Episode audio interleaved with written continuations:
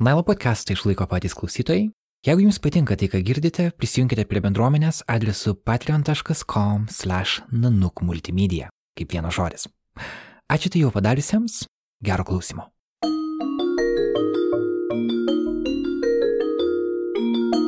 Dirbdama Lietuvoje mėgdavau juokauti, kad e, mano darbas yra 30 procentų žurnalistikos, 40 procentų administravimo ir vadybos ir likę 30 procentų yra tinklavikos.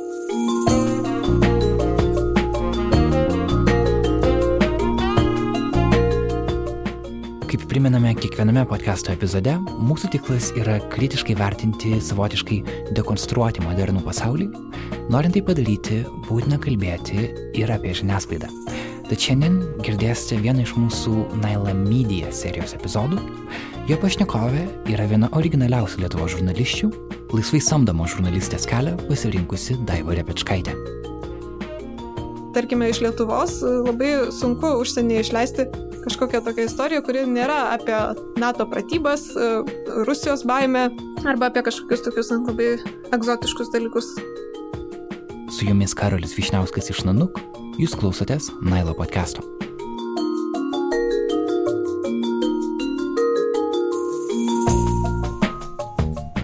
Daivos tekstai yra spausdinti Politico, Deutsche Welle, The Guardian, Financial Times ir kitose tarptautiniuose leidiniuose. Ji taip pat padeda Afganistano moteriams žurnalistėms, norinčiams publikuoti savo tekstus vakarų leidiniuose. Daiva savo darbę fokusuojasi į socialinio teisingumo ir žmogaus teisų temas. Šiandien jį gyvena Maltoje, bet vasarą mes buvome susitikę Vilniuje ir įrašėme interviu, kurį šiandien girdėsite. Mes kalbėjome apie tai, kaip atrodo laisvai samdomo žurnalisto darbo virtuvė, apie tai, kas vakarų žiniasklaidai yra įdomu apie Lietuvą ir kokias istorijas gali parduoti, taip pat apie žurnalistinio darbo prasme ir misiją, dalykus, kuriuos visą laiką būtina turėti omeny, kai šį darbą darai.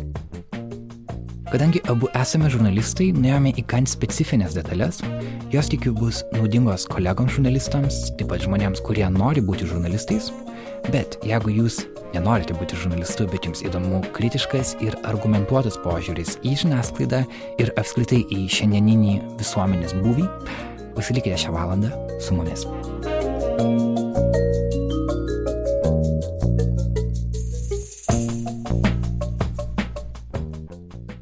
Daivos tekstus pradėjau skaityti maždaug 2005-aisiais, kai jie dar buvo spausdinami ant popieriaus, Tuo metu buvo leidžiamas dar sąjūdžio metu pradėtas leidinys pavadinimu Atgimimas. Jis subūrė daugelį liberalios minties autorių Lietuvoje. Daiva buvo viena iš jų. Aš paprašiau jos sugrįžti trumpam į tą laiką. Aš turiu prisipažinti, kad atgimimo klausimu esu labai šališka ir tai, manau, yra neišvengiama, nes, kaip sako, kad pirma meilė nerudyja, tai mano pirmas darbas, tai buvo mano pirmas darbas. Aš pradėjau ten dirbti antrame kurse Ir iš tikrųjų nesitikėjau, kad gausiu šitą darbą, bet e, nutariau tiesiog pabandyti, kadangi skelbime buvo parašyta, kad e, aukštasis išsilavinimas nebūtina, bet reikia mokėti užsienio kalbų bent dvi. Aš pradėjau kaip užsienio politikos e, apžvalgininkė, rašydavau įvairias temas, po to redagavau skilti apie ES ir turėdavau įvairių kitų užduočių. Kurie čia metai buvo?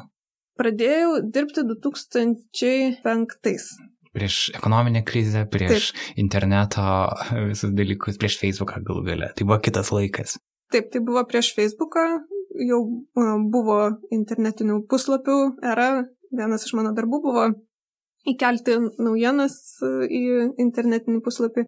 Na, tai buvo laikraštis, kuris bandė ir atsinaujinti, ir kita vertus likti toks pats. Taip išėjo, kad man buvo tik 20 metų ir aš staiga gavau galime sakyti, savo svajonių darbą ir turbūt nieko geresnio emocinio prasme, kalbant apie profesinį gyvenimą, man, nežinau, galbūt ir negaliu sakyti, kad nenutiko iki šiol, bet tai iš tikrųjų buvo tokia unikali patirtis, už kurią esu labai dėkinga ir esu labai dėkinga redaktoriai Indrei Makaraitytį, kad tuo metu manim patikėjo ir labai daug ko išmokė ir tai tikrai buvo labai toks e, greitas mokymosi procesas, kadangi komanda buvo labai stipri ir aš, kai dar nedirbau, ten galvodavau, o šitie tai gerai varo. tai mhm. Kokie toko... autoriai buvo, kokie, kokie kolegos ten dirbo? Indrė Makaraitytė buvo redaktorė, e, Stanislavas Kairys e, buvo fotografas ir rašydavo. Dirbo kitais dalykais e, vėliau pagarsėjęs Richardas Čekutis tuo metu ir jisai tokius gana įdomius. E, Richardas Čekutis dirbo atgimime, taip. kuris po to tapo vienu taip. kovo 11-osios įtinių organizatoriais, Respublikos žurnalistų gal. Kas atrodė yra totaliai kita kryptis, negu jūsų atgimimu bandėte kurti, nes tai buvo labai pro-europietiškas leidinys, atviras, dviros visuomenės leidinys. Taip, bet e, tarp mūsų buvo tokia pusiausvėra, manau, kad tuo metu tai buvo įmanoma. Šiandien, kai mes kalbame apie Facebook'o burbulus, apie tai, kad mes jau nebegalime tarptų burbulų susikalbėti, tai skatina mane žvelgti su dar didesnė nostalgija į tuos atgimimo laikus, kai iš tikrųjų radikaliai priešingų... Ir čia galėjote būti taip, viename lygyje. Lošėme biliardą ir, ir, ir dalyvaudavome, žinoma, redakciniuose posėdžiuose penktadieniais, aptardavome leidinį, kuris buvo ką tik šviežiai pristatytas e, iš spaustuvės. Ir kažkaip sugebėjome ir sugyventi, ir susitarti, kad e, yra tam tikri dalykai, dėl kurių mes e, niekada nesutarsime. Ir tai yra ok, nebūtina visiems dėl visko start. Taip, ir, ir manau, kad e, na, apie tos dalykus, kurie mums kažkokie labai, labai asmeniškai nežinau, piktinantis ar keliantis daug emocijų, mes tiesiog nerašydavome. Jeigu mes turėdavome daug informacijos, bet būdavome šališki tam tikrų klausimų, tai tiesiog perdodavome kitam kolegai ir manau tai yra labai geras modelis. Po to, kai mes visi išbirėjome kas kur, kiekvienas iš mūsų galbūt šiek tiek suradikalėjome vieną ar kitą kryptimį. Kiek laiko tęsiasi šitas atgimimo laikas?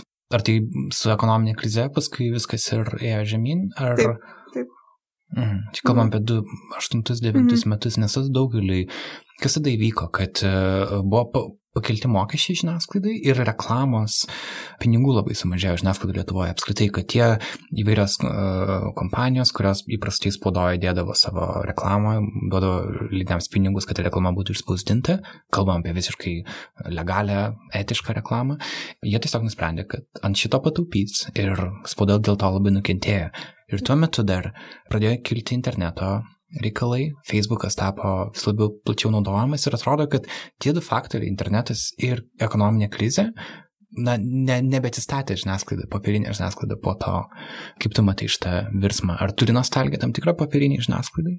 Taip, turiu nostalgiją ir manau, atgimimo atveju prisidėjo ir tai, kad spaudos ir radio remimo fondo lėšos buvo šiek tiek apkarpytos prasidėjus kriziai. Taip pat e, reklamos užsakovai iš e, statybų sektoriaus e, turėjo gerokai mažiau pinigų reklamai. Na ir tie faktoriai, kuriuos ir minėjai, taip pat prisidėjo prie sunkumų, kurie tuo metu prasidėjo ne tik atgimime, bet ir kitose leidinėse. Ir šiaip vienu metu, jeigu gerai prisimenu, kokiais 2006-2007 buvo tokia mintis dažnai e, diskutuojama, kad e, galbūt e, blogai pakeis nuomonės kiltis, blogus rašo entuziastingi blogeriai, kurie neprašo už tai pinigų, galbūt tikisi iš kažkokių Google skelbimų užsidirbti, kad kažkiek įkapsėtų, bet dažniausiai tai buvo žmonės, kurie turi kažkokią kitą profesiją ir iš tos profesijos turi labai daug žinių ir rašo apie tai diskusijų buvo daug tuo metu apie tai, kad kas laukia žiniasklaidos ir ypač spausdintos kokybiškos žiniasklaidos, kuri yra toks laikraštis kaip atgimimas, buvo toks kaip daugeliu žmonių, manau, kaip savaitgalio ritualas. Man pačiai, dar prieš pradedant ten dirbti ir paskui pradėjus ten dirbti, tai buvo tokia savaitgalio dalis, kad pasiimi laikraštį, perverti ir daugmaž apsišvieti, kas svarbaus Lietuvoje ir kitose šalyse vyksta. Ir gerokai vėliau, praėjus daug metų, kai aš prieš trejus metus buvau praktikantė žurnale Spiegel, De Spiegel Hamburgė, tai pamačiau, kad Spiegelis turi tokį patį vaidmenį, kad tai yra savaitgalio ritualas ir su tokia mintim jisai yra ir būtent leidžiamas. Ir autoriai turi tą prabangą, kad gali rašyti ilgus tekstus, gali rašyti labai tokius išsamius aprašymus, pertikti atmosferą. Atsimenu, kai aš pradėjau savo stažuotę, tai savaitę prieš tai išėjęs leidinys buvo tuo metu lentynose ir aš jį pasėmiau perskaityti tiesiog, kas vyko prieš savaitę. Ir e, buvo interviu e, su Oleku, su e, tuo metu krašto apsaugos mm. ministru mm. Juozu Oleku. Ir ten buvo prašyta, kad kaip jisai sėdi savo biure ir žiūri į Vilnių. Ir, ir jo varlytė, ten tokios ir tokios spalvos. Ir, ir, ir buvo labai linksma skaityti tokią detalę iš, iš lietuviškų aktualijų. Aha. Šitame Tiesiog žurnale. Patys tekstai turbūt buvo, ko spausdinta žiniasklaida žavi, kad ten tekstai dažnai yra tokie labiau kaip kartais pasiekia ir literatūrinį daug aukštesnį lygį, negu ką tu gali rasti internete. Ir tu besi viena iš retų vis dar blogo, blogą rašančių žurnalistų, vis dar likusių tai daryti. Kaip manai, kas atsitiko blogam? Nes tikrai Tu buvai žurnalistė tuo metu, kai visas blogų bumas atrodė kaip ateitis ir dabar atrodo blogai yra toks dalykas, kuris buvo taip labai trumpai ir uh, atrodo, kad ateities jis nebeturi. Kaip tu matai štai, ar blogai buvo kažkoks neišsipildęs pažadas, ar tai tiesiog natūrali interneto evoliucija, nejauti nostalgijos blogams?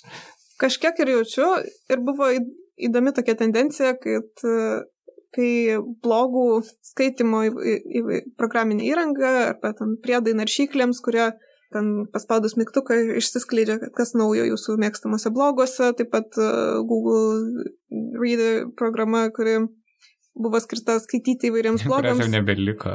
Nebeliko. Ir būtent uh, galbūt tai buvo ženklas, kad uh, blogų aukso amžius baigėsi ir technologijų įmonės jau nebenori investuoti į, į tai, kad padėti žmonėms skaityti blogus.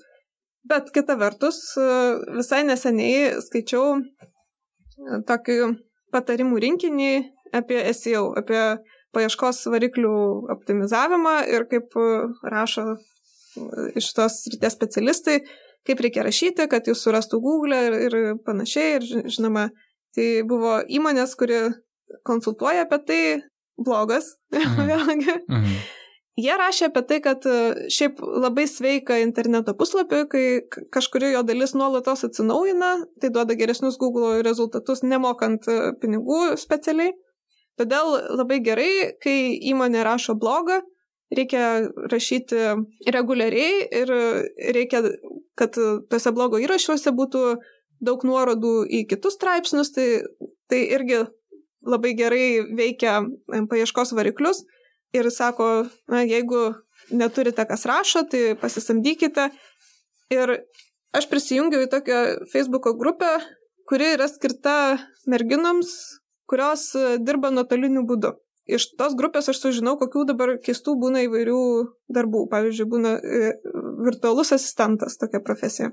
Daug žmonių, kurie mėgsta rašyti ir kurie norėtų iš rašymo užsidirbti pragyvenimui, dabar pradeda rašyti tokius įmonių blogus įmonė duoda patarimų savo specializacijos rytise. Taigi galbūt baigėsi tas tokių asmeninių blogų amžius, bet e, blogai kaip tokie pasirodo toliau sėkmingai gyvena, prigludę prie įmonių tinklalapių ir yra vis tiek pakankamai madingi ir paieškos varikliai juos e, puikiai reitinguoja.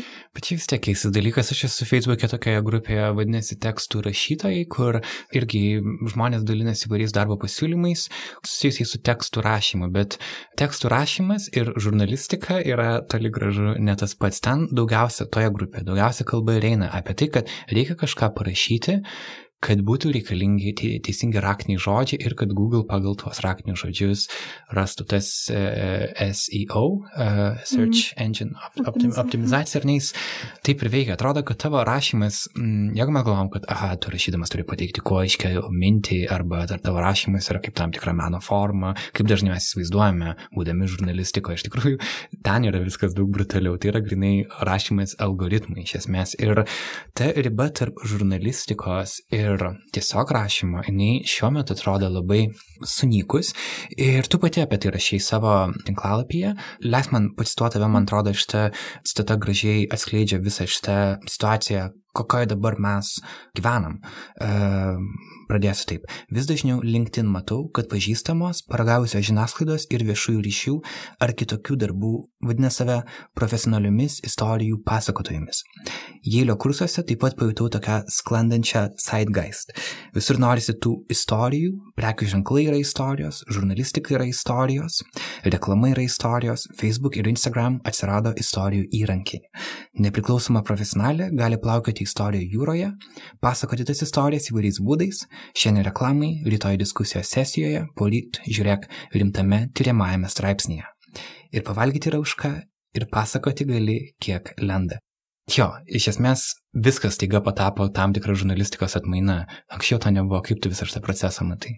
Aš manau, kad e, tame yra daug pavojų. Kita vertus, irgi kas aš tokia, kad, e, kad dabar čia teiščiau ar kritikuočiau kolegas, kurie tiesiog e, bando išgyventi. Bet kai prieš dviejus metus važiavau, patekau į tokius vasaros kursus Jėlio universitete apie istorijų pasakojimą, mane šiek tiek šokiravo, kad be įvairių įdomių žurnalistikos projektų staiga mums paskaitą skaito reklamos kurieja ir sako, tai va, mano požiūris į reklamą yra, kad e, prekės ženklas yra istorija.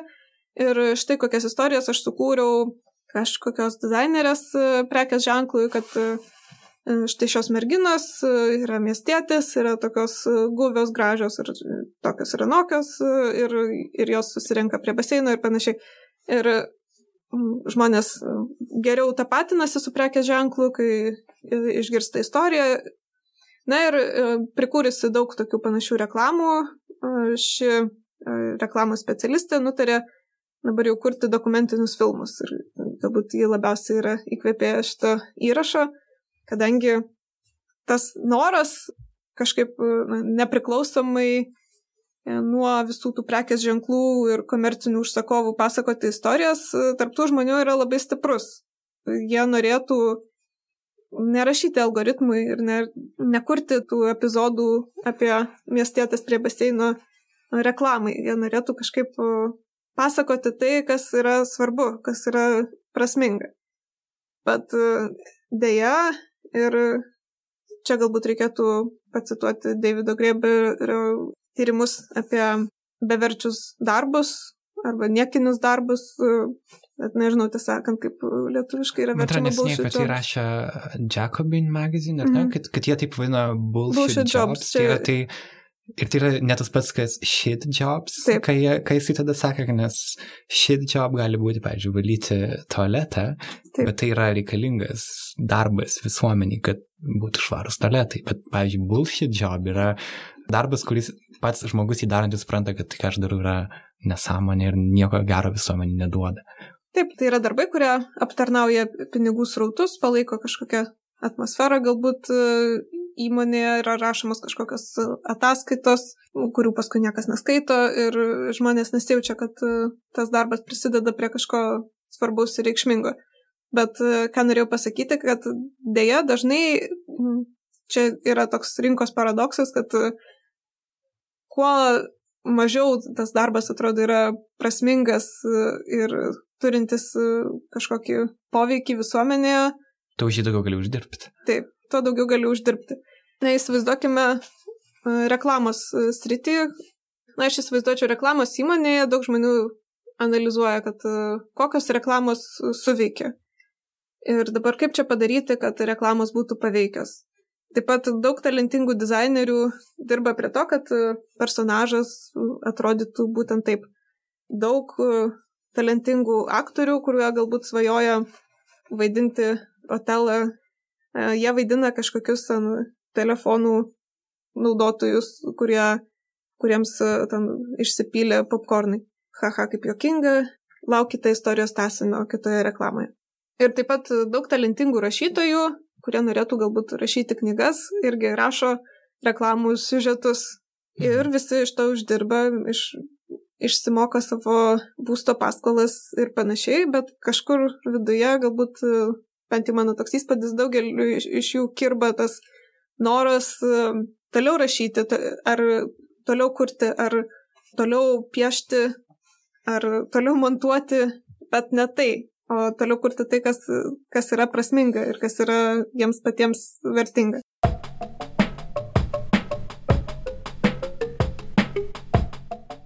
Daivos minėta knyga vadinasi Bullshit Jobs.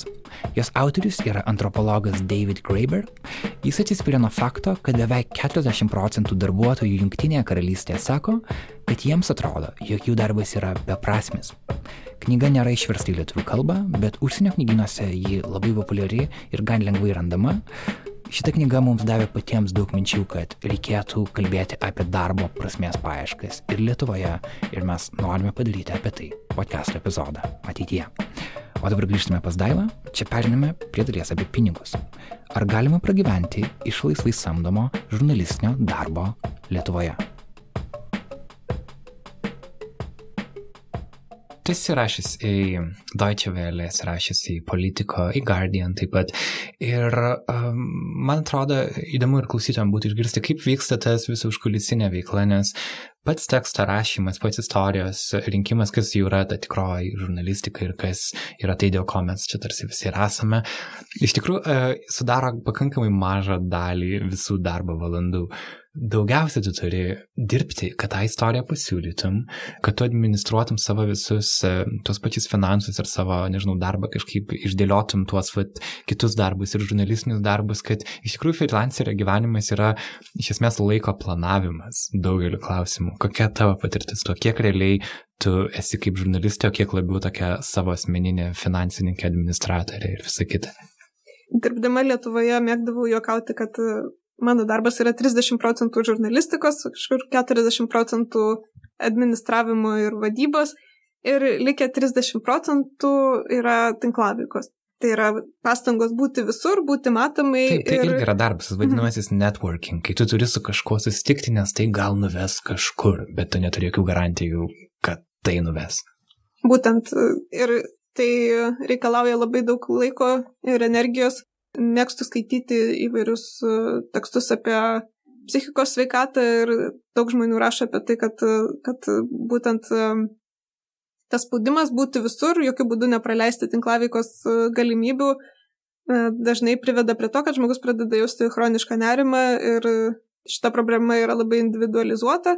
Ir ypač, kai dirbi įdomų darbą ir kai visi sako, kaip tau pavydžiu, kaip tau gerai, tau nereikia sėdėti biure, tau nereikia kažkaip ten e, kiekvieną dieną keltis ir važiuoti autobusu, tu visą laiką sutinki įdomių žmonių, juos kalbini ir tyrinėjai įdomias istorijas.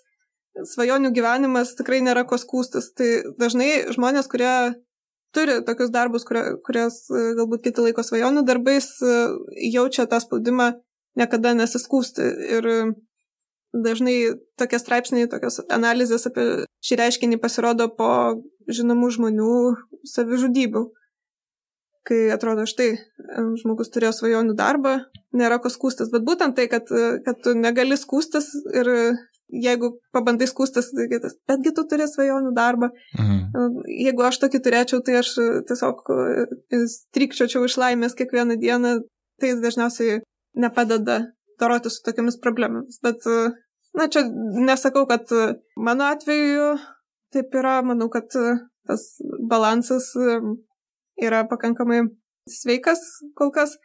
Bet, tarkime, vieną kartą buvau Maltoje sugalvojusi, ten yra toks kaip startuolių inkubatorius. Ir, ir aš vienu metu turėjau tokią idėją, kokį medijų startuolį aš norėčiau sukurti. Įkvėpimas kilo iš mano stažuotės Vokietijoje Ir kadangi galima į tą inkubatorių nueiti ir pasiūlyti savo idėją, apie ją papasakoti ir tada tau duos patarimų, tai aš e, išbandžiau tą procesą ir, ir neįkūriau to startuolio kol kas, bet e, gavau įdomių patarimų. Ir, ir tas e, asmo, kuris prižiūri tos startuolius ir padeda jiems aukti, sako, tavo tikslas yra uždirbti tiek, kad tu galėtum kažkam sumokėti, kad sutvarkytų tavo mokesčių reikalus, kad uh, tvarkytų tavo buhalteriją ir panašiai. Aš galvoju, na, galbūt ir taip, bet kol kas aš dar tiek neuždirbu, todėl turiu viską išmokti pati.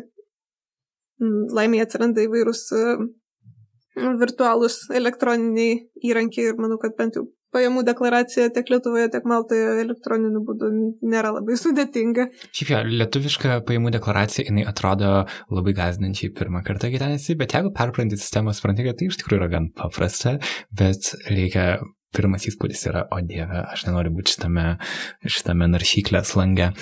Kalbant apie pinigus, man kai įspūdinu savo pirmas istorijas kažkur ne Lietuvoje žiniasklaidai, man šiek tiek šokiravo tas atlyginimų skirtumas iš ties, kad jeigu, pavyzdžiui, tam pačiam Deutsche Welle, tu už tekstą gali gauti ten, tarkim, 250 eurų, tarkim, ir tai yra jiems atrodo, nu, sako, atleis negalime daugiau mokėti ar kažkas tokio.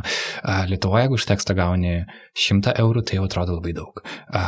Šiaip įprastai sakytų, nu, tai prašyta, nu, iš 50, žinai.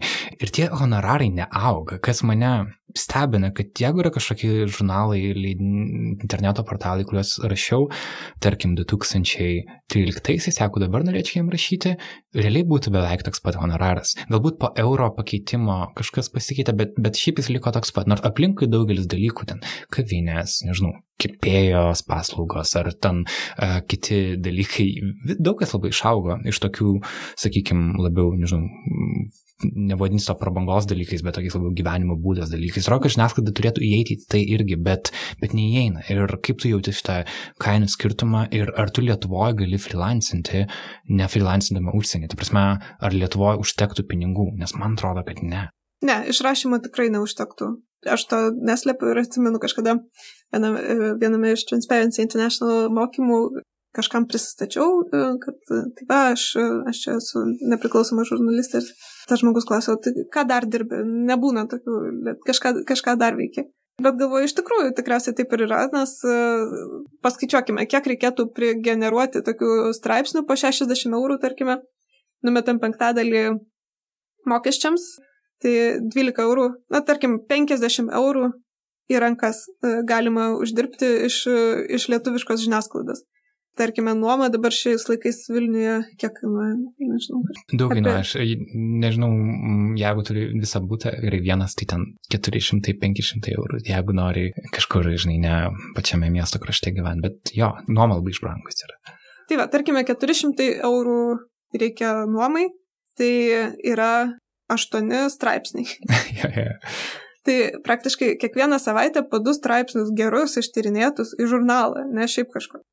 Na, tada nuolatinis ir telefonas, jeigu važinėjant autobusu, dar vieną straipsnį suvalgo.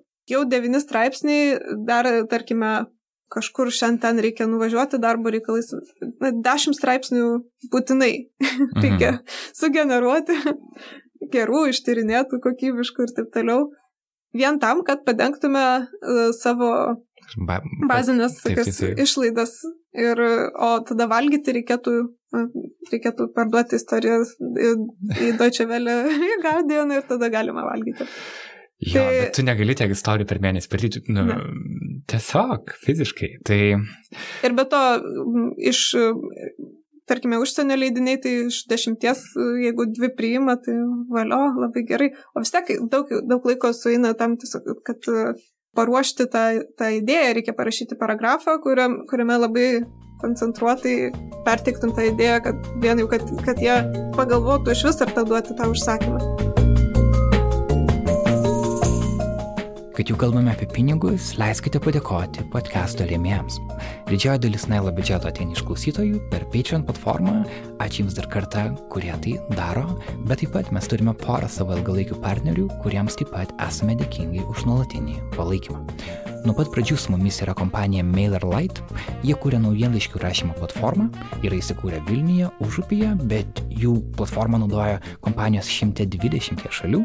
Ji yra patogi, suprantama ir sakom tai iš savo pačių patirties, nes mes su Nanuk savo naujienlaiškį taip pat rašome per MailerLite, nanuk.lt slash subscribe. Toks yra adresas, jeigu norite naujienlaiškį gauti.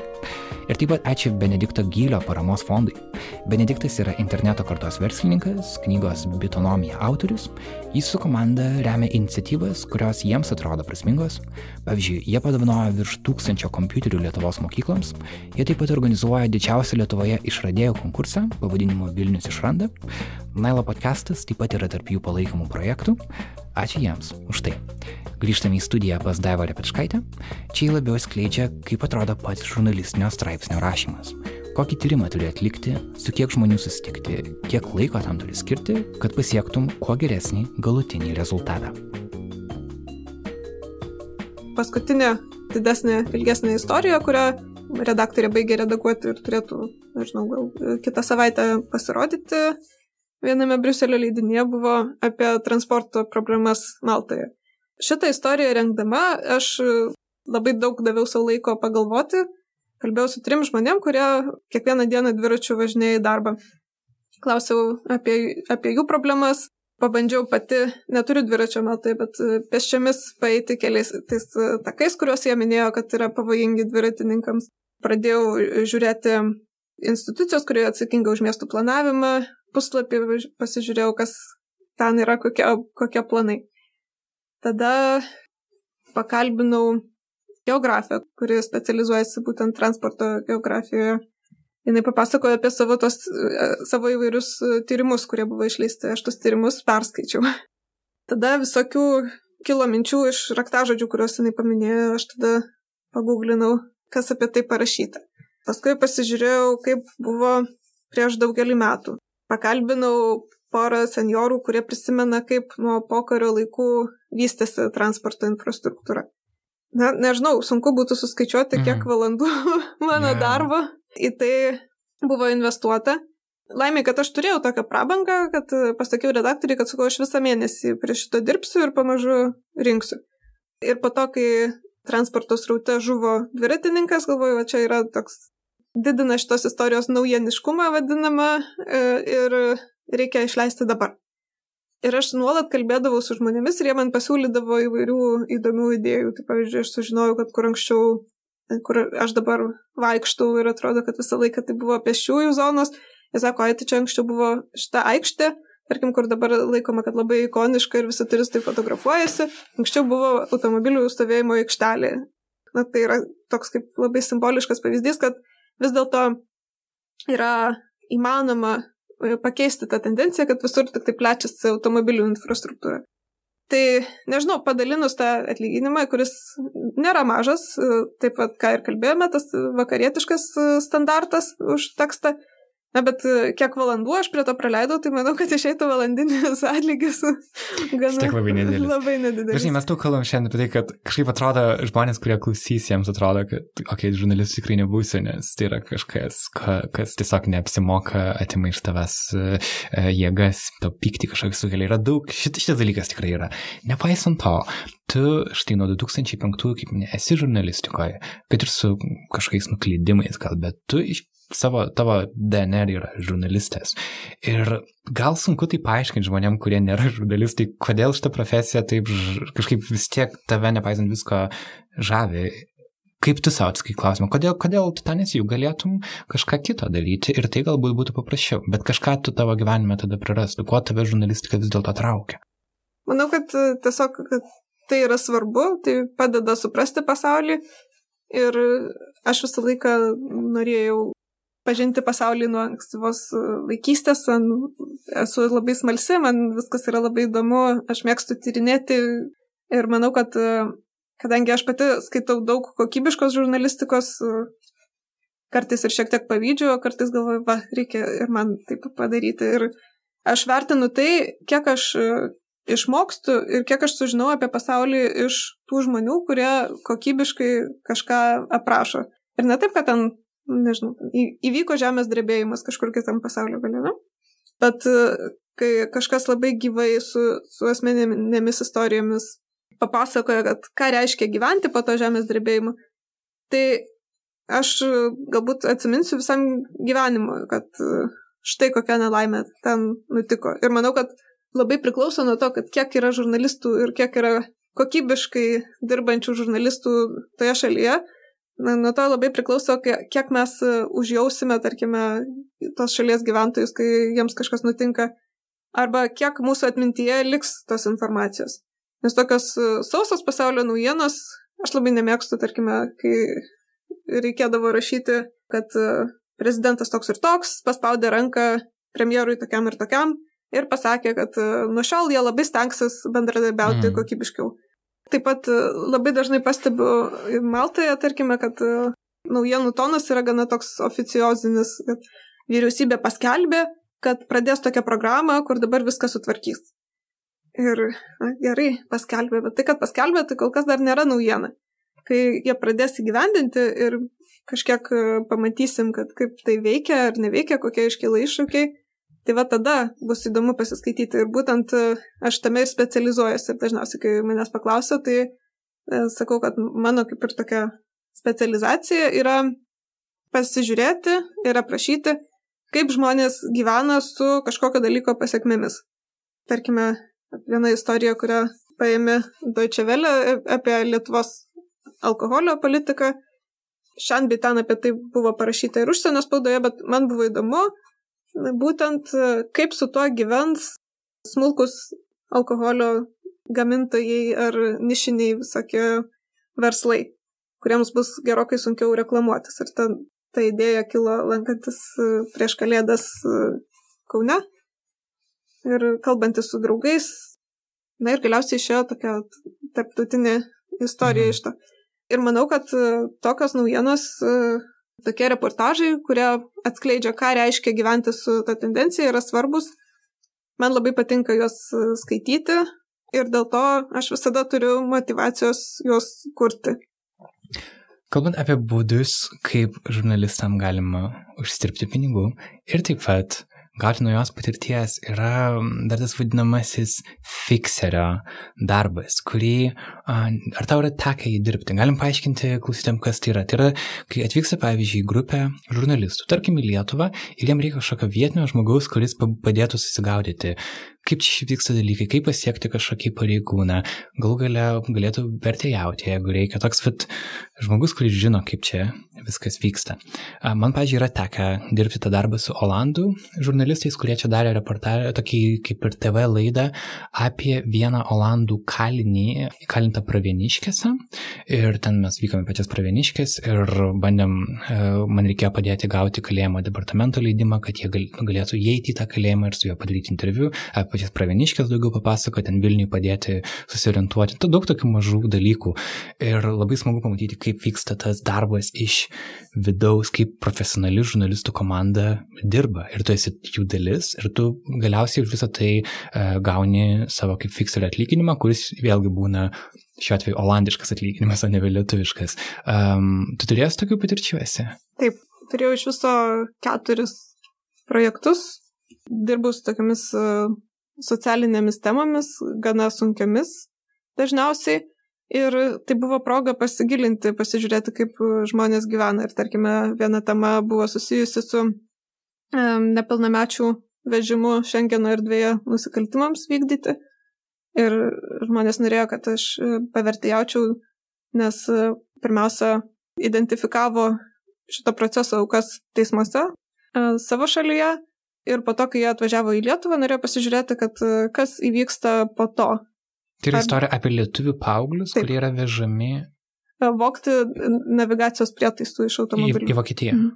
Toks kaip žmonių, vos ne prekyba žmonėm, tam tikra forma. Taip, tai, tai yra tam tikra forma, bet ji yra kitokia negu mums žinoma prekyba žmonėmis ir jau yra tam tikrų ir ataskaitų apie tai, kad kai Lietuva įstojo Europos Sąjungą, ilgainiui toks at, žmogaus išvežimas, užrakinimas Rusija atimant e, pasą tapo daug retesnis, Lietuva dabar labiau yra tranzito šalis tokiai prekybai, bet e, kadangi šiandieno erdvėje netikrinami dokumentai važinėjant, tai gali ir paaugliai, tarkime, automobiliu kirsti sienas su tą kelionę organizuojančiu žmogumi, savaitgalį padirbėti kabutėse ir grįžti lyg niekur nieko tėvams pasakė, kad važiuoja į vakarėlį kaime, sodyboje pas draugus.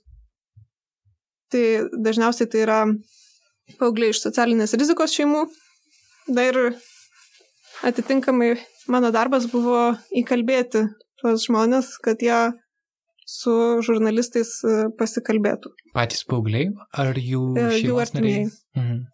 Ir pavyko?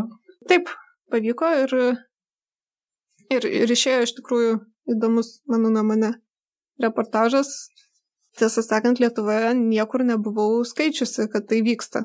Bet kai pradėjome domėtis, na tai taip. Yra ir policijos ataskaitos, ir policija visiems norintiems papasakojo, kiek yra tokių atvejų, kokias tendencijos ir panašiai. Tiesiog niekas galbūt neklausė iki tol. Čia tai ir įdomu, kad kartais užsienio žurnalistai pamato temas esančias Lietuvoje, kurių mes patys nematom. Tas pats man buvo Ir su tuo praviniškiu atveju, kad jie norėjo susitikti su tuo kaliniu, vis pirma dėl to, kad jie darė tokias istorijas iš skirtingų pasaulio kalėjimų, kur yra kalintys Olandai ir per tuos kalėjimus, tarsi pačią visuomenę bandyti pažinti. Ir praviniškėse ten buvo daug problemų su to, kaip ta kamera atrodė, kokios yra sąlygos, kiek tai yra uh, humaniška ir visa kita. Apie ką Lietuvoje beveik nekalbam apie tai, kas dedas kalėjimas. Pavyzdžiui, tavo atveju, aš tikrai pirmą kartą dabar girdžiu, kad yra toksai kažkokia nusikalstamo forma, kaip paaugliai yra vežami vokti Vokietijoje. Taip. Gal panašių dalykų yra daug daugiau ir policija apie tai žino. Ir žurnalistai galbūt irgi žino, bet tiesiog nesivėlė į tuos nes, dalykus, nes tai sudėtinga. Policija labai nesiafišuoja, galbūt, kadangi vis tiek e, reikia ir juos suprasti, kad e, jie vykdo savo tyrimus, galbūt e, kažką stebi, seka kažkokius įtariamuosius, bet, bet vis tiek ataskaitos yra skelbiamas, statistika yra renkama, kiek yra kokių tokių atvejų ir manau, kad žiniasklaidos darbas čia yra labai svarbus, tiesiog, kad tėvai būtų atsargus ir žinoma, tai nereiškia, kad reikia pradėti tos paauglius kontroliuoti. Manau, kad e, paaugliai, dauguma paauglių priešinasi kontroliai, kai sako, jeigu noriu sodybą važiuoti su draugais, tai kodėl tėvai turėtų neleisti, bet, bet tai rodo, kad e, kai tėvai yra, tarkime, labai užsiemę, galbūt šeimoje yra tik vienas iš tėvų ir, ir daug dirba, arba kažkokias nestandartinės pamainas nes, nesužiūri, tarkime, su kuo paauglys bendrauja, kur jisai eina, tada atsiranda tam tikri draugai, kurie įvelia į tokius dalykus. Ir, ir būtent, ko mane išmokė šitą istoriją, kad panosėje gali vykti tokie dalykai ir mes galbūt to nematome. Taip pat teko kito projekto kontekste girdėti, kad lietuviai dažnai važiuoja į e, Belgiją vokti valčių. Mhm. Irgi kažkaip niekada negirdėjau Lietuvos žiniasklaidoje, bet tokios temas išriškėjo tiesiog e, kalbantis ir dažnai pradėjus pokalbį, tarkime, su, su pareigūnais įvairių sričių, jie papasakoja šiaip tokių papildomų dalykų iš savo praktikos, jeigu pasitikė. Ir dažnai tos istorijos e, būna labai įdomus, aš užsirašau ir turiu tokius failus įvairiomis temomis, kad reikėtų kada nors pasidomėti. Mm. Kaip tapti fikseriu? Tavo atveju, kaip buvo? Ar tave kažkas rekomendavo? Ar yra... Juk, juk egzistuoja tokios kaip žurnalistų bazės tam tikros, pavyzdžiui, uh, esu pas prisijungęs prie tokio tinklalapio Hackpack, vadinasi, kuriame galima, na, tarkim, šiuo atveju, jeigu yra Vokietijos ar Olandijos ar kitos šalies žurnalistai ir kažko ieško Lietuvoje, tai jie randa tave, kad štai tu esi, uh, tave domina tokios temos, uh, tu moki tokias kalbas, Galbūt e, jeigu bus toks atvejis, kad jiems reikės žmogus Lietuvoje, jie ta, tau parašys. Tu gali save taip pozicionuoti kaip va, žmogus, kuris yra pasiekiamas Lietuvoje. Tai turbūt yra būdas, kaip, kaip šitą darbą imtis. Galbūt ir asmenės rekomendacijos veikia, kaip tavo atveju buvo. Taip, dažniausiai tai yra rekomendacijos ir na, tai turbūt patartina yra kiek įmanoma daugiau įgyti įvairios tarptautinės patirties, važiuoti į seminarus, nes po to tiesiog dažnai per, per įvairius tinklus, įskaitant Facebooką, žmonės ieško, kad e, važiuoju, tarkime, į Lietuvą, ieškau, kas galėtų tam padėti, taip ir taip. Ir taip pat stipendijų, kurias esu gavusi, dažniausiai atsiranda Facebooko grupės, kuriuose žmonės po to ieško, kad važiuoju į tą šalį, gal kas nors ten šiuo metu yra. Mm. Bet tai yra labai sunkiai nuspėjamos tokios pajamos nukrinta kaip e, mana iš dangaus, paskui gali pusę metų vėl niekam ne, neprireikti. Tai čia nemanau, kad gali būti karjera kaip tokia. Norėčiau, man visai patiktų iš tikrųjų to visą laiką užsiimti. Nes aš kažkaip, na, nežinau, neturiu tokio noro, kad ten visur mano vardas būtų. Tai yra reikalinga tam, kad po to gaučiau kitus darbo pasiūlymus ar kitus užsakymus. Bet na, šiuo atveju fikserio vardas e, niekur nepasirodo.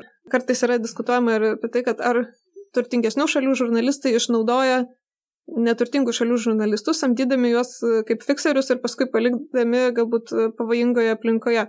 Man teko kalbinti tokią žurnalistę Tailandę, kuri, kuriai būtent taip ir atsitiko, kad jie dirbo fikserė tarptautiniai komandai. Ta komanda tyrinėjo irgi tokį nelegalaus žmonių gabenimo atvejus ir kai tie žmonės e, e, kirtę sieną atsidūrė tokia saloje ir iš jų artimųjų buvo pareikalauta išpirkos ir buvo tokie įtarimai, kad e, laivynas Tailando leido tam vykti ir galbūt kažkiek gavo kyšių už tai, kad, kad nepastebėtų.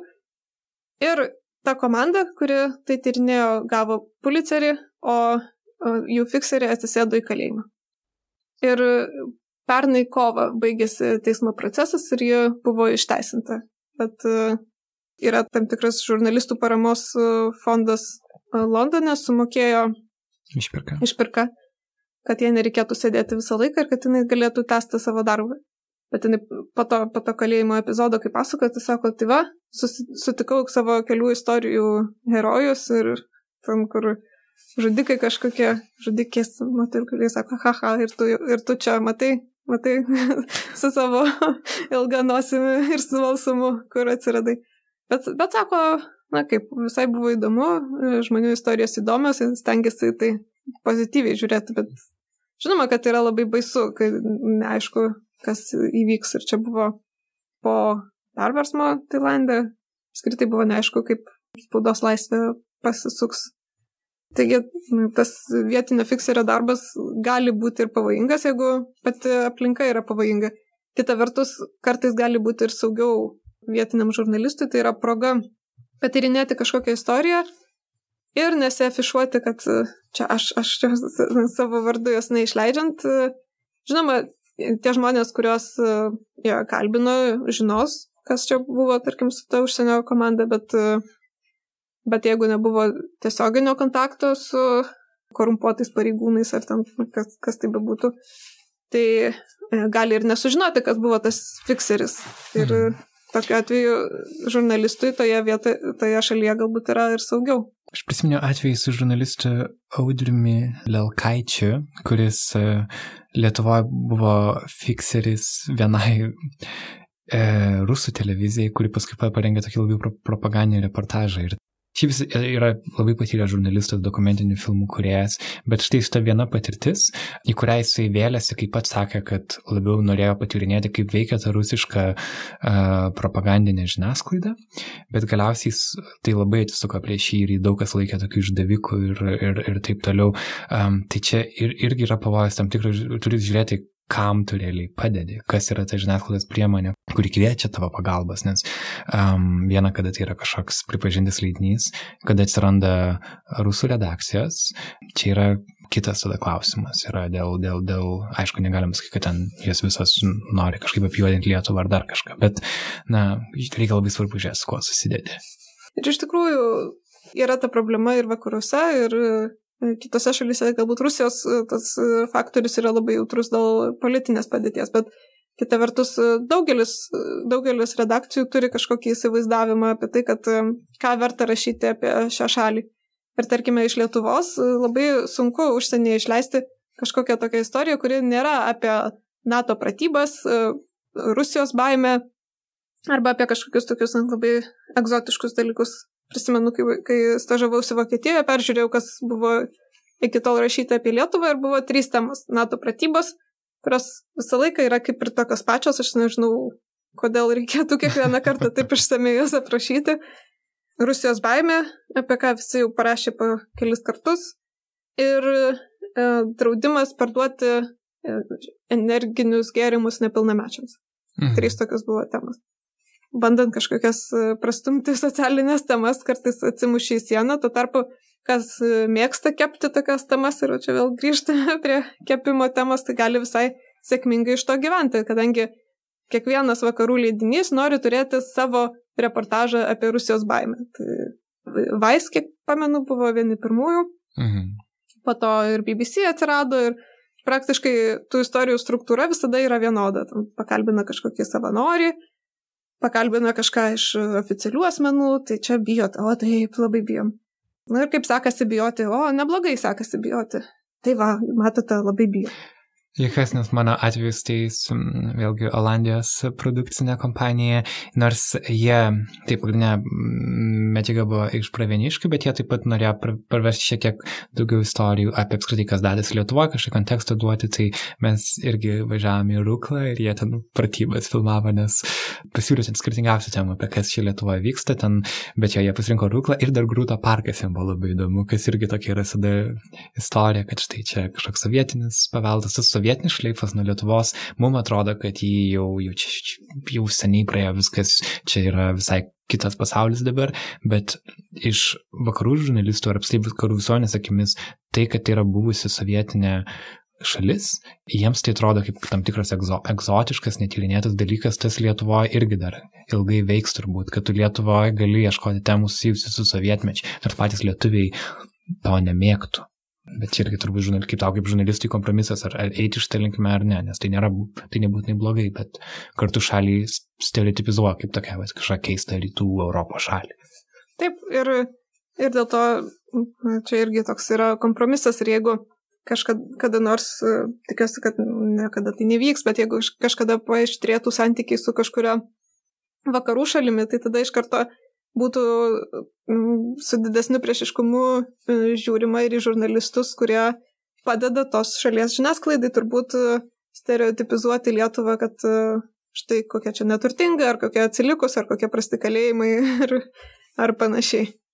Jo, nes dažnai tos temos, kurios įdomios vakarų žurnalistam, jos yra, nėra labai gražios Lietuvos atžvilgių, gražus dalykai mums yra įdomus, bet realiai jeigu yra kažkokios žurnalistės temos, jos dažniausiai yra apie tai, kas visuomenė neveikia, ką reikėtų tvarkyti ir tai automatiškai kitų žmonių akise gaunasi, kad tu juodini savo šalį štai tarptautinė žiniasklaidos akise. Kita vertus, tarkime, vienu metu buvo tokio fondo šaukimas žurnalistams važiuoti į Ruandą ir ten rašyti įvairiomis temomis. Ir aš bandžiau tą stipendiją gauti, negavau jos, bet tai buvo proga pasiskaityti apie Ruandą ir ką anksčiau žmonės gavę tą stipendiją, ar šiaip kiti žurnalistai yra parašę. Nors aš daug maž žinau, kas ten vyksta, bet pasiskaičiau taip jau gerokai išsameu ir pasižiūrėjau, kokios ten yra istorijos. Ir beveik visi straipsniai prasideda nuo to, kad praėjus tiek ir tiek metų po genocido o, tai. vaikai žaidžia krepšinį. Praėjus jau 12 metų po genocido moteris imasi verslo. Praėjus jau 20 e, metų po genocido šioje mokykloje mokoma gerų dalykų. Ir, ir, Nes, ir... Nu, iš tikrųjų, ką vakarų visuomenė žino apie Ruandą, kad ten vyko genocidas. Ir Jo, čia yra toks lengvas, toks žemai augantis vaisius, kurį tu lengvai gali, gali panaudoti, bet jo, tai yra klišė, tai geras, geras, geras pavyzdys, nebuvau pagalvojęs apie šitą analogiją. Tai va, ir, ir aš įsivaizduoju, kad e, galbūt ir, ir fikseriams būna toks, kad taip pamato galutinį rezultatą, o ne. Ir vėl pradėjo nuo to, kad mažytė postsovietinė valstybė, arba ten, nežinau, Patras atidaro pilko daugiabučio langą ir atsidūsta. Gal tai įmanoma perkurti? Pavyzdžiui, neseniai New Yorker žurnalas padarė ilgą tekstą apie Estiją. Ir visą tai sukosi apie e, Estiją kaip elektroninę šalį, kur viskas yra skaitmenizuota. Ir, žinai, atrodo, Estai sugebėjo sukurti vakarams parduoti šitą savo kaip e, skaitmeninės respublikos įvaizdį. Ir jie dabar nuolatos, visur, kur yra rašoma apie Estiją, yra tai paminima. Gal Lietuvai tiesiog nepavyko sukurti kitos istorijos, dėl to mes vis dar imam seną, tiksliau, jie ima vis dar tą pačią istoriją apie sovietmetį, nes mes nepasiūlėm nieko kito. Galbūt ir taip. Nežinau, kas čia galėtų būti tokia kita istorija. Krepšinio istorijos, manau, visai. Ne, gal ne. Gal nereikia. Ateis, manau, su laiku.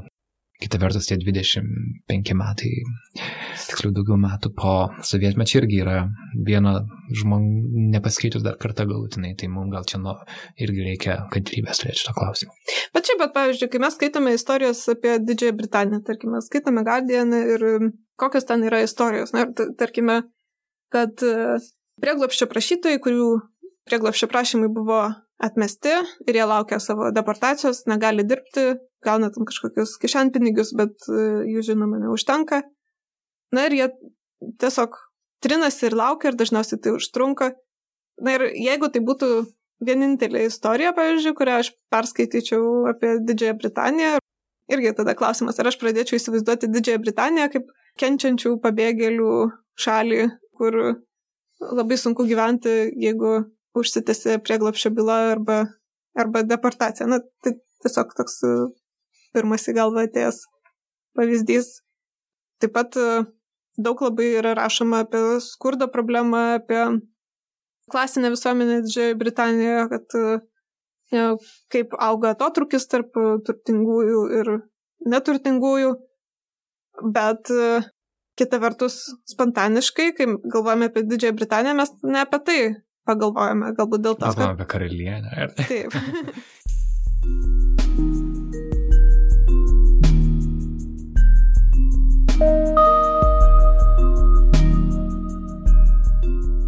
Interviu su Daiva norėjau užbaigti temą, apie kurią dabar kalbama vis daugiau, ypač Maltoje, ten, kur jį gyvena. Tai yra žurnalistų nužudimai. Praėjusį spalį patyrusi Malto žurnalistė Dafne Galicija įlipo į savo automobilį ir įsprogo. Trys vyrai buvo areštuoti dėl nužudimo, Galicija daug rašė apie korupciją Maltoje. Šį pavasarį Slovakijoje įvyko panaši istorija. Žurnalistas Jan Kuciak savo namuose buvo nušautas kartu su žmona Martina. Jiems abiems buvo po 27 metus. Kuciak rašė apie Slovakų verslus atskleistus Panama Papers dokumentuose ir apskritai skyrė Slovakijos verslo ir politikų santykius. Vien šiemet pasaulyje nužudyti 45 žurnalistai ir tai buvo tema, kurią aš norėjau aptarti su Daiva.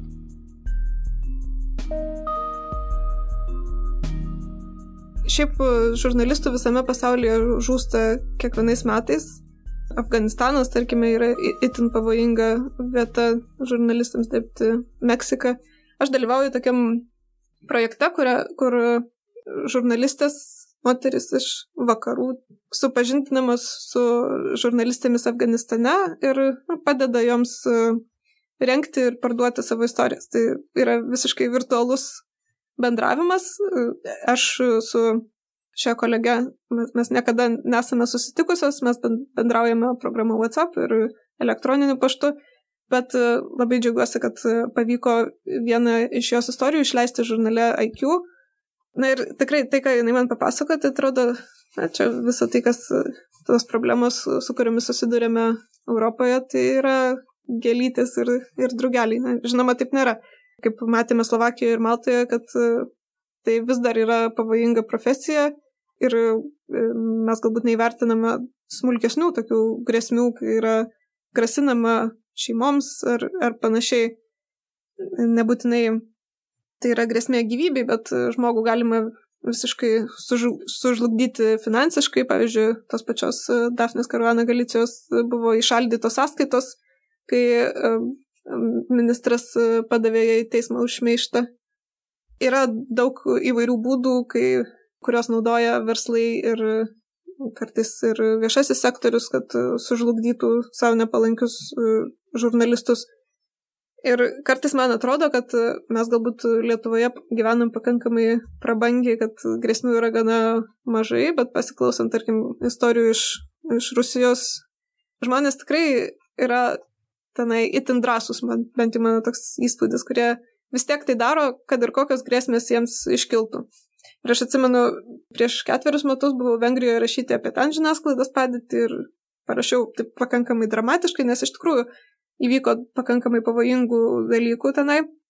Atsirado nauja žiniasklaidos taryba, kuri yra vyriausybinė institucija, kuri prižiūri, kiek subalansuotai ir nešališkai žurnalistai dirba savo darbą, bet e, kažkaip, kai buvo atlikti tyrimai, kad kokius skundus jie priima ir kuriuos e, atmeta, tai paaiškėjo, kad, tarkime, daug skundų priemė iš kraštutinės dešinės organizacijų, kurie sako, kad žurnalistai nesubalansuotai ir per daug neigiamai apie juos rašė. Bet, pavyzdžiui, skundai apie tai, kad apie Romus buvo rašoma stereotipiniu būdu, buvo atmesti kaip, kaip nepagristi. Na ir plus premjero draugai susipirko daug žiniasklaidos priemonių ir vis mažiau lieka nepriklausomų. Na, tai pakankamai žinoma yra padėtis Vengrijoje. Ir aš kalbinau keletą žurnalistų apie tai, kaip jiems sekasi išgyventi šioje padėtyje. Ir jie sako, na, iš tikrųjų mes įsijaučiame dažnai į tai, kad blogai, blogai Vengrijoje ir įvairiose tarptautinėse konferencijose, tada važiuojam ir pasakojam, Vengrijoje blogai, blogai. Ir tada kolegos iš Ukrainos klausia, tai kiek žuvo per metus? Niekas nežuvo. Mm. Ir kolegos, a, nu, nu, gal ir blogai pas jūs, bet, bet niekas nežuvo.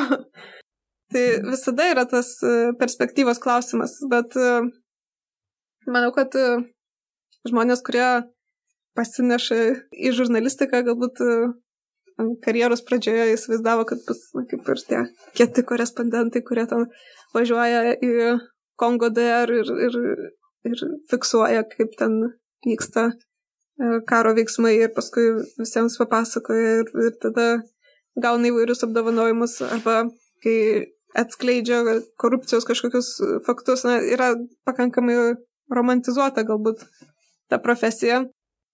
Ir daug žmonių, kurie, galbūt jaunų žmonių, kurie svajoja e, šiandien apie žurnalistiką, turi tokį įvaizdį ir galvoja, kad kaip įdomu iš tikrųjų dirbti tokį darbą ir kaip svarbu. Kita vertus, e, daug, manau, kad e, dažnai dar didesnis iššūkis yra, kai tiesiog atvarksti visą tą vargą ir niekas nenori išspausdinti tos istorijos. Manau, va čia tai tikrai yra. O yra, gali... tai, yra tai buvę tau? Aš niekada, tarkime, nesu buvusi karo zonoje ir kažkur, kur tikrai ten būtų man pavojinga. Bet, bet buvo tokių svarbių istorijų, į kurias aš daug investavau ir, ir tiesiog niekas jau nenorėjo. tai manau, kad pakankamai demotivuoja Taip, bet kartu man atrodo svarbu perduoti tą žinutę, kad e, tas toks idealistiškas žurnalisto darbo įsivaizdavimas, kad jis gali būti realybė ir e, gyvenant Lietuvoje arba užaugus Lietuvoje, man tie patys e, nanų kolegos Bertas su Artūru man nedavė daug įkvėpimo, kai jie padarė pirmą istoriją iš Panevežio moterų pataisos namų, kuriuos jie nuvažiavo kelis kartus, praleido daug valandų, supažindinami su pačiamis ten bausmę atliekančiamis uh, pašnekovėmis ir Tai kaip humaniškai, kaip giliai jie tą istoriją atskleidė, parodė, kad, nu, kad tai yra įmanoma. Ir nuo to ir prasidėjo visas Nanuk, tai buvo vienodas dienos vadinasi projektas. Um, pavyzdžiui, tavo darbai, kur tyrinėjai kaip um, Lietuvo, apie Lietuvos romus arba apie militarizmą buvo viena tavo tema. Mm. Taip pat daug kitų, žinai, tie dalykai, kurie nėra atrodo labai lengvai parduodami Lietuvo žiniasklaidai, kad realiai pasaulio mastu jie yra įdomus. Ir kad freelanceriavimas irgi yra kelias būti tuo, va, tokiu, vadinkime, kažkokiu tikresniu, neva žurnalistu. Gal tu turi, pavyzdžiui, visai patarimų žmonėm, kurie nori eiti šito keliu, žinai, ką, ką reikėtų daryti, kaip iš jūsų užmėgsti kontaktą, ar tu pirmiausia turi kažkaip savo, turi tiesiog daug rašyti ir um, ar siūlyti temas, nežinau, nuo, nuo ko reikėtų pradėti, norint pabandyti būti freelanceriu žurnalistu? Manau, kad reikia surasti tą pusiausvyrą tarp tokio susireikšminimo, kurio galbūt mūsų karta turi šiek tiek per daug, ir kita vertus kantrybės ir užsispyrimo. Kai, tarkime, penkias istorijas iš eilės atmeta, nes jos nepakankamai geros, ar penkias paraiškas stipendijoms atmeta, viena vertus reikia pajusti, kad ar čia toliau bandyti kažkaip tą pačią vagą, ar kažką keisti ir galbūt šiek tiek performuluoti ir, ir patobulėti. E, šiandien kaip tik skaičiau tokį straipsnį apie tai, kaip e, tas patarimas jauniems žmonėms, kad e, surask savo aistrą ir tada visas gyvenimas natūraliai susidėlios ir nereikės dirbti darbą, kaip, kiek daug žalos jisai padaro ir kad e, žmogus plėtodamas e, savo, e, savo pomėgius ar savo interesus gali daug daugiau pasiekti, negu ieškodamas kažkokios aistros, kuri emociškai kažkaip užvežtų ir užkurtų. Tai manau, nereikia tikėtis, kad vien dėl to, kad mokate rašyti ir mėgstate rašyti, kad visas pasaulis laukia išskėstomis rankomis. Bet visada reikia bandyti ir bandyti ambicingai siūsti savo idėjas ir panaudoti net ir ta, tos neigiamus komentarus ar tos atvejus, kai istorijos yra atmetamos, kaip akstina tobulėti. Taip pat, manau, labai, labai geras dalykas yra mentorystė. Atgimime, manau, aš labai daug išmokau iš kolegų ir, ir tas man labai padėjo gana dideliais šuoliais patobulėti šioje srityje. Ir labai naudinga yra susirasti žmogų, kuris e, viena, viena vertus e, linkėtų jums gero, norėtų, kad jūs tobulėtumėte ir e, pasiektumėte savo tikslų, bet kartu mokėtų pažiūrėti labai kritiškai, negirtų kiekvieno kūrinio vien dėl to, kad tai yra jūsų kūrinys, o sakytų, na, na ne, šitas tai nevertas publikos dėmesio, čia reikėtų tą patobulinti ir tą patobulinti. Tai manau, kad e, kiek įmanoma reikėtų labai gerai, ypač karjeros pradžioje, tokį mentorių susirasti. Ir kas studijuoja, tai gal reikėtų studijų metais paieškoti ir tiesiog e, dalyvauti įvairiuose seminaruose ir, ir ieškoti va, tokio patyrusio kolegos ir nebijoti klausti ir prašyti patarimų, kad ar čia gerai, ar čia taip, ar čia. Na ir labai yra sveika ir naudinga tiesiog kurti santykius su, su žmonėmis ir, ir nebūtinai, tarkime, jeigu domitės, na, tarkime, kad ir tais pačiais Romų integracijos klausimais, tai dar prieš suformuluojant istoriją reikėtų nueiti ir susipažinti, kad kas šioje srityje dirba, pasiklausti, kaip jiems sekasi, galbūt sekti jų socialinių tinklų paskiras kad vėliau prireikus jau būtų kažkoks e, žinių bagažas, nes e, kartais yra sunku taip iššokti ir tas labai jaučiasi, kad ar žmogus daug laiko praleido su ta istorija, ar tiesiog iššoko, ten kažką pasižiūrėjo ir vėl iššoko į savo patogų viduriniosios klasės burbulą. Jo, tiesiog reikia tuo gyventi. Tai čia yra Čia mes kalbam, realiai žurnalistika yra labiau gyvenimo būdas, o ne profesija. Turbūt taip, taip patį tą savo požiūrį reikia taip suformuoti, kad tu negali užverti kompiuterį ir dabar aš jau būsiu kažkoks kitas žmogus. Tu tais dalykais, tie dalykai turi tave dominti tiesiog kaip žmogų ir žurnalistika yra tik tai būdas kažkaip įprasminti juos labiau. Man, aš džiugiuosi, kad šiandien apie žurnalistiką mes kalbėjom taip, kad apie tokį daugia breunį dalyką, nes man atrodo, kad Lietuvoje žurnalistika suprantama taip labai, mm, ta profesija yra praradusi savo kažkokį prestižą, aš nesakau, kad jinai turi būti prestižinė, bet jinai turėtų būti pagarbi turbūt. Ir mm, ką mes norim ir su Nanuk daryti, šiek tiek tą pagarbą kažkaip atstatyti, tai ir norisi burti kitus žurnalistus, kurie panašiai panašiai galbūt kuria dalykus, kurie mus pačius įkvepia. Tai labai džiaugiuosi, kad su tavim galėjom pasikalbėti, nes tavo darbai tikrai įkvepia. Tai ačiū tau už tai davę. Ačiū.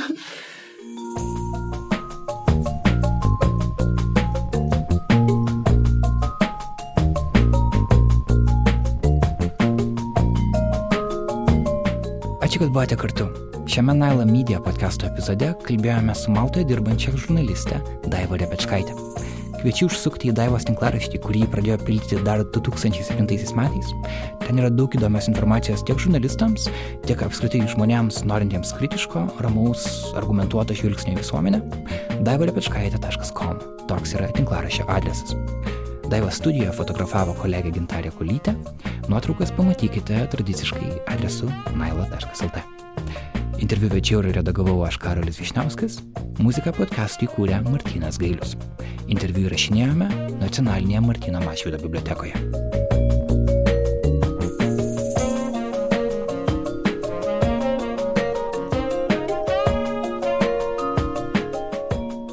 Naila Media serijoje esame kalbėjęs ir su kitais žurnalistais. Rekomenduoju diskusiją apie žurnalistinę etiką tarp mūsų pačių, nanuk žurnalistų, kaip mes ją suprantame, kodėl stengiamės jos laikytis. Taip pat turime interviu su fotožurnalistu Tomu Fanhutlyv, taip pat Al Jazeera dirbančia lietuvė Viktorija Mitskutė. Norime paversti podcastą vietą, kur žurnalistai galėtų laisvai kalbėtis apie savo profesiją, laisvai kritikuoti savo pačių darbą ir taip auginti kitokią žurnalistikos kultūrą Lietuvoje.